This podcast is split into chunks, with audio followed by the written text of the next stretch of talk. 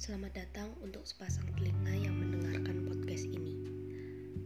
Kali ini aku bakal membagikan percakapan pertamaku yang kayak gini kalimatnya.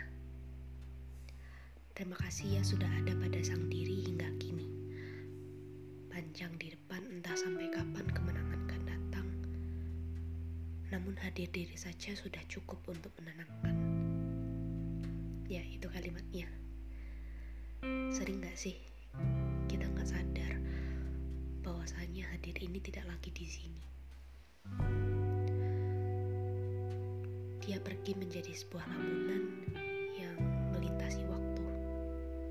Ya, bisa jadi dia bepergian baik ke masa lalu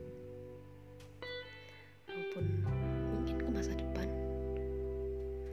yang seharusnya mengikhlaskan kepergian waktu yang sudah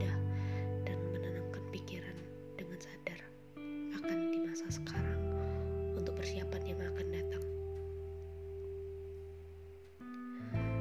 Aku cuma mau ngingetin dan bilang ke sang diri, terima kasih sudah mendengarkan ini. Terima kasih udah selalu ada di sini.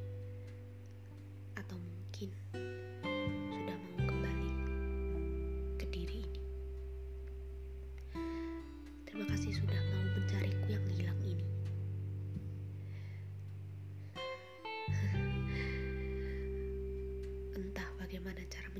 masa depan yang paling megah.